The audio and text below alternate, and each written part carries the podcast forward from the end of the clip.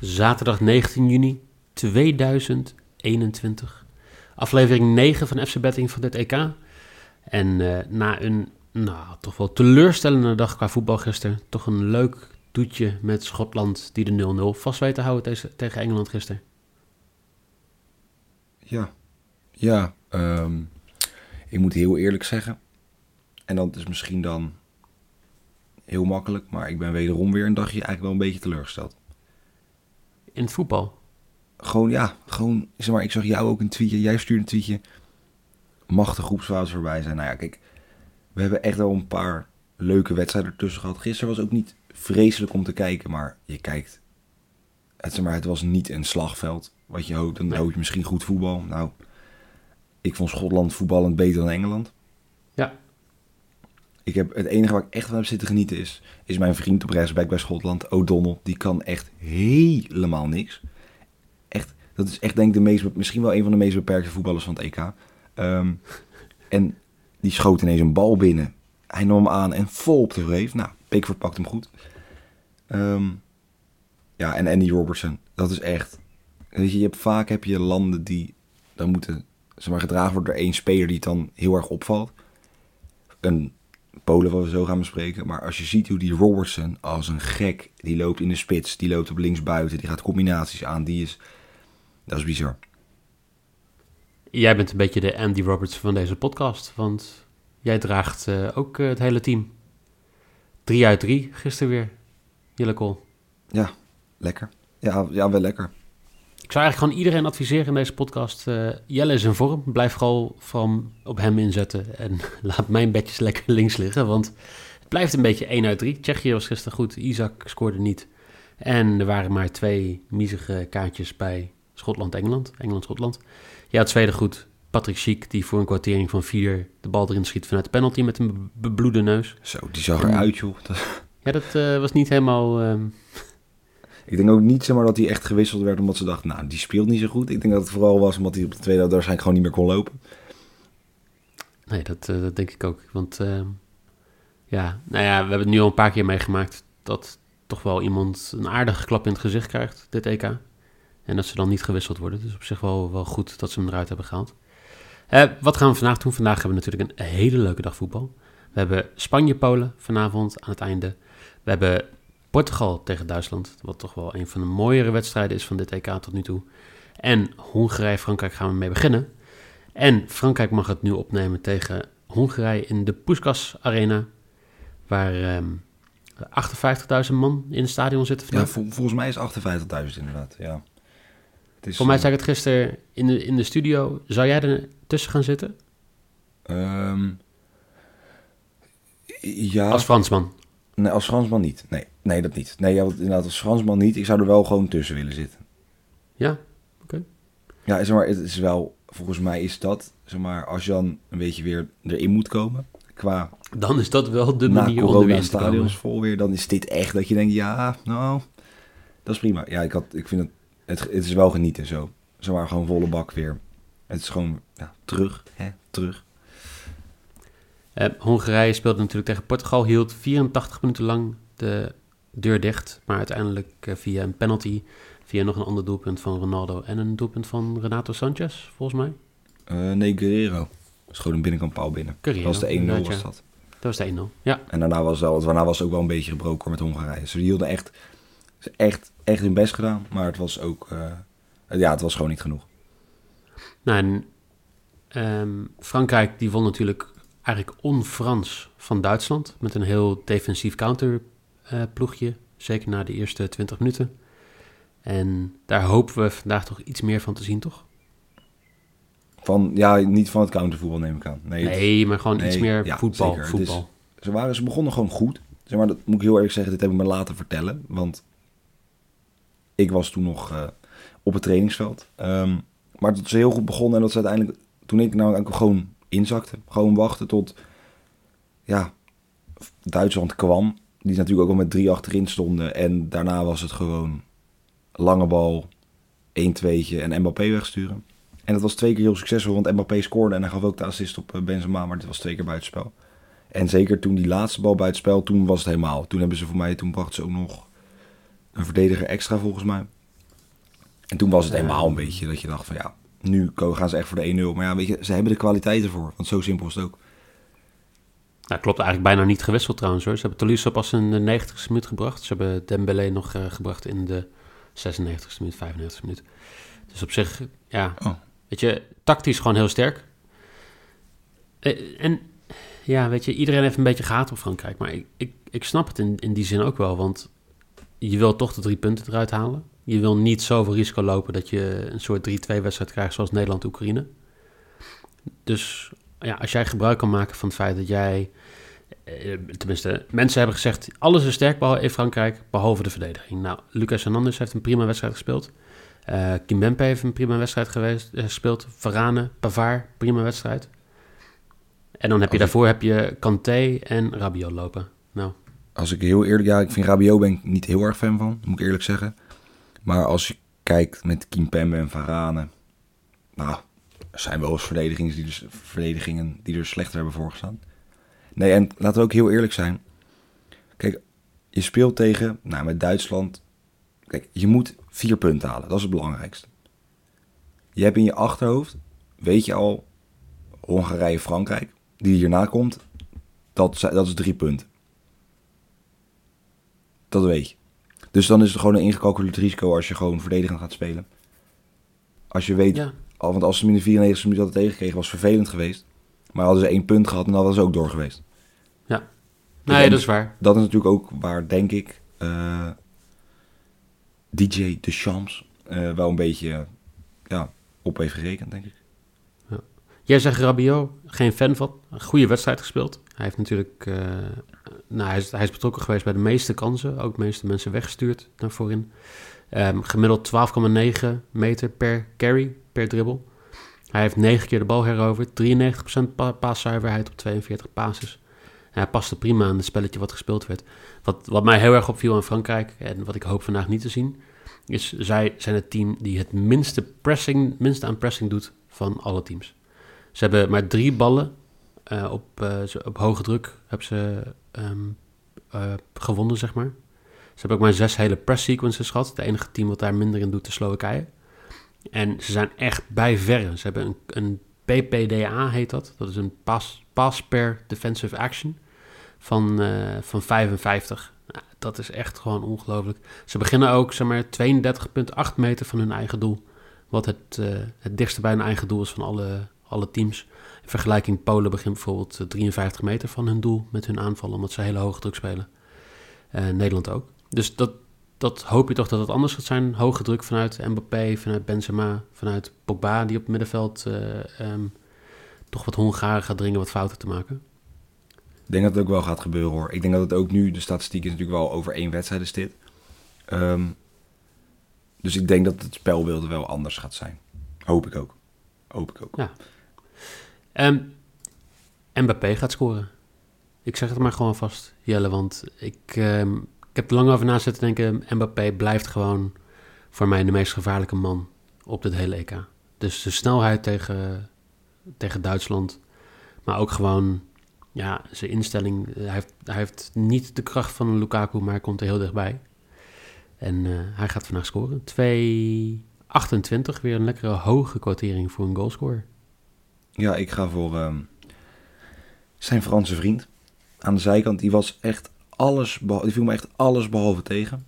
Wat betreft eh, hoe die speelde en hoe die ook vooral, zeg maar, niet om het doel speelde. Hij was echt, hij was echt hard aan het werk. Ehm, of in ieder geval, nou ja, jij hebt al de statistiek opgenoemd. Het leek alsof hij heel hard aan het werk was. En hij, ja, hij wil scoren. En dat gaat hij dus ook doen. En ik denk ook wel dat het nu, zeg maar, laten zeggen dat er wel meer dan één keer gescoord gaat worden door Frankrijk. Ehm, dus ik, ja, Benzema en Mbappé allebei scoren. Zou heel lekker zijn. Dan gaan we naar de tweede wedstrijd. Gaan we naar de, de, ja, ik denk de meest spannende wedstrijd van vandaag. Portugal tegen Duitsland. Ehm, Portugal, zoals besproken, 3-0 gewonnen. Frankrijk, of, even Duitsland van 1-0 van Frankrijk verloren. Voor mij twee spelers die echt de, de tussenuit sprongen. Cristiano Ronaldo natuurlijk. 1,26 expected goals. Vooral aan het einde van de wedstrijd. Maar ook gewoon, als je kijkt hoeveel aanvallen hij in betrokken is. En hoeveel dat waard is qua, qua kansen. Het is gewoon ja, het is heerlijk om te zien. Maar de man of the match voor mij was eigenlijk toch wel eh, Rafael Guerrero, de linksback, die de hele tijd blijft komen, die ervoor zorgt dat, uh, dat jongens naar binnen kunnen trekken. En dat er gewoon heel veel ruimte aan die linkerkant ontstaat. En dan denk ik dat dat ook tegen Duitsland wel gaat lukken. Want ik vond Matthias Ginter van uh, Gladbach vond ik toch wel een beetje de, de, de zwakke schakel. En ja, kijk, Guerrero heeft één voordeel. Hij, hij speelt natuurlijk in de Bundesliga. Hij speelt bij Dortmund. Ik denk niet lang meer, want ik denk dat hij wel naar een Real Madrid of iets groter gaat deze zomer.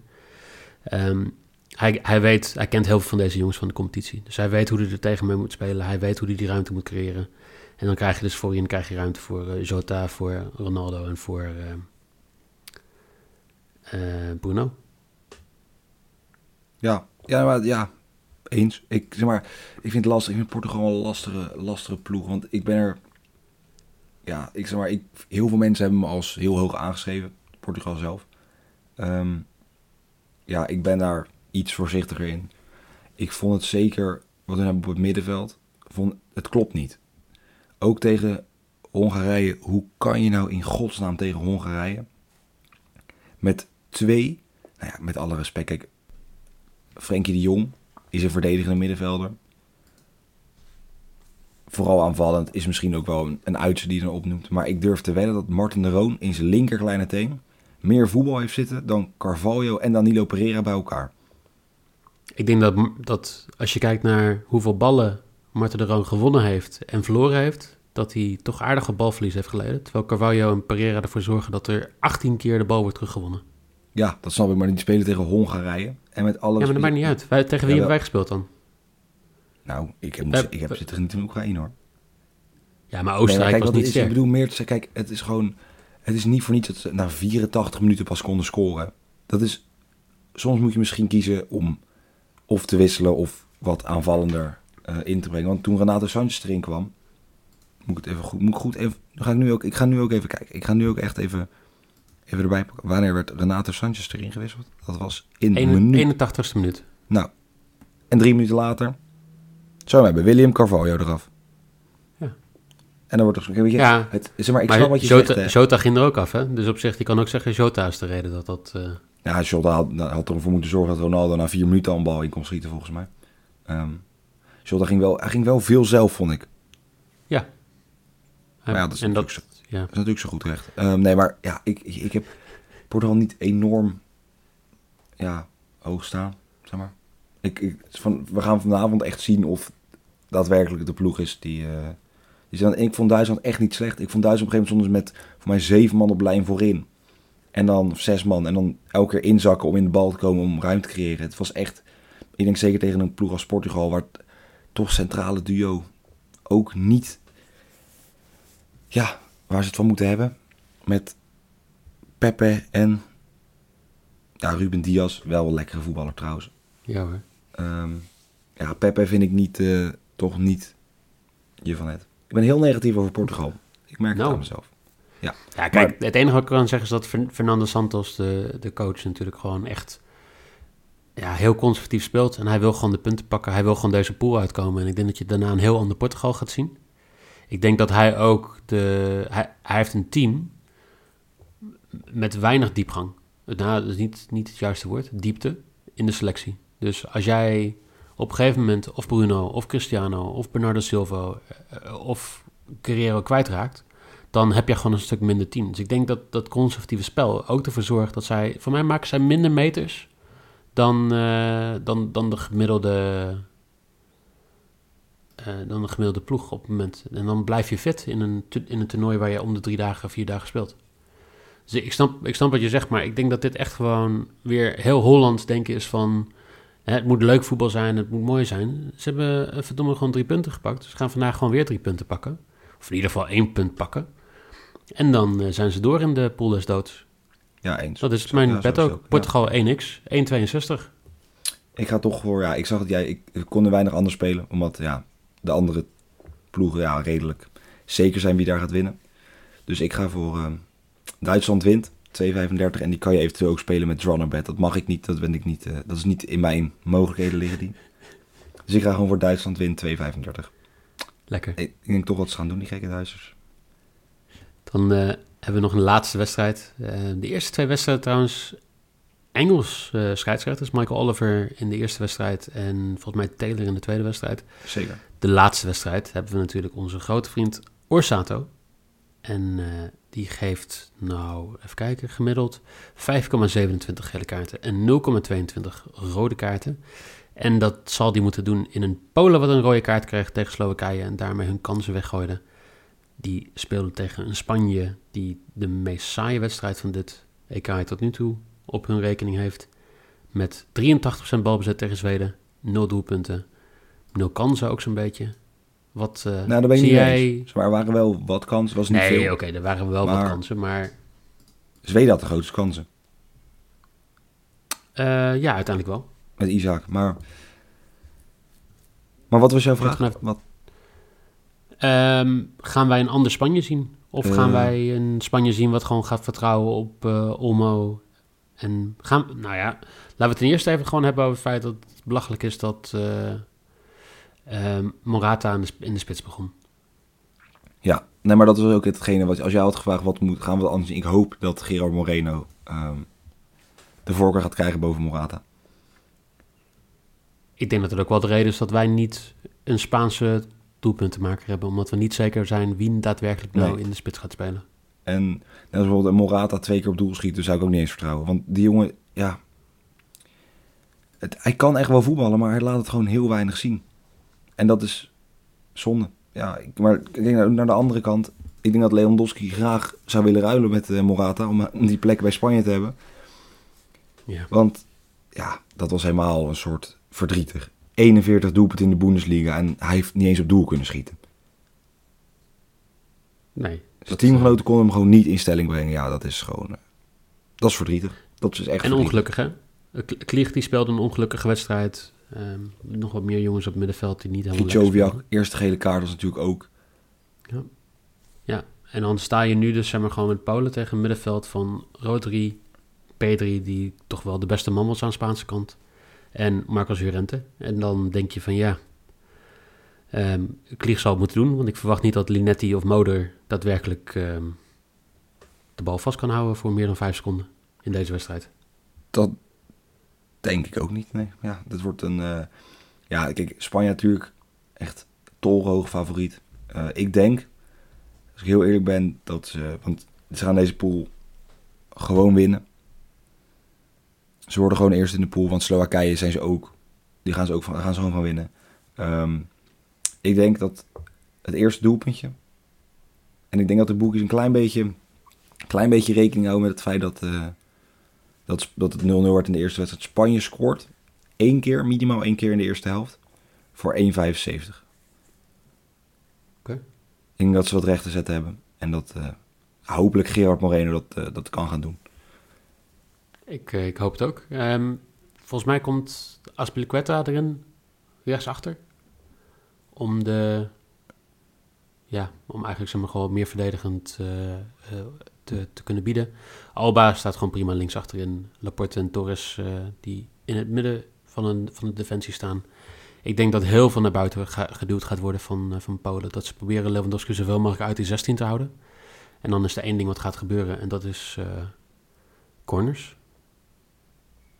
En ik zit even te kijken waar die... Ik heb een fout in het draaiboek gezet. Ehm, over 2,5 corners voor eh 1,88. Dacht ik, voor Polen. Voor Polen neem ik aan dan.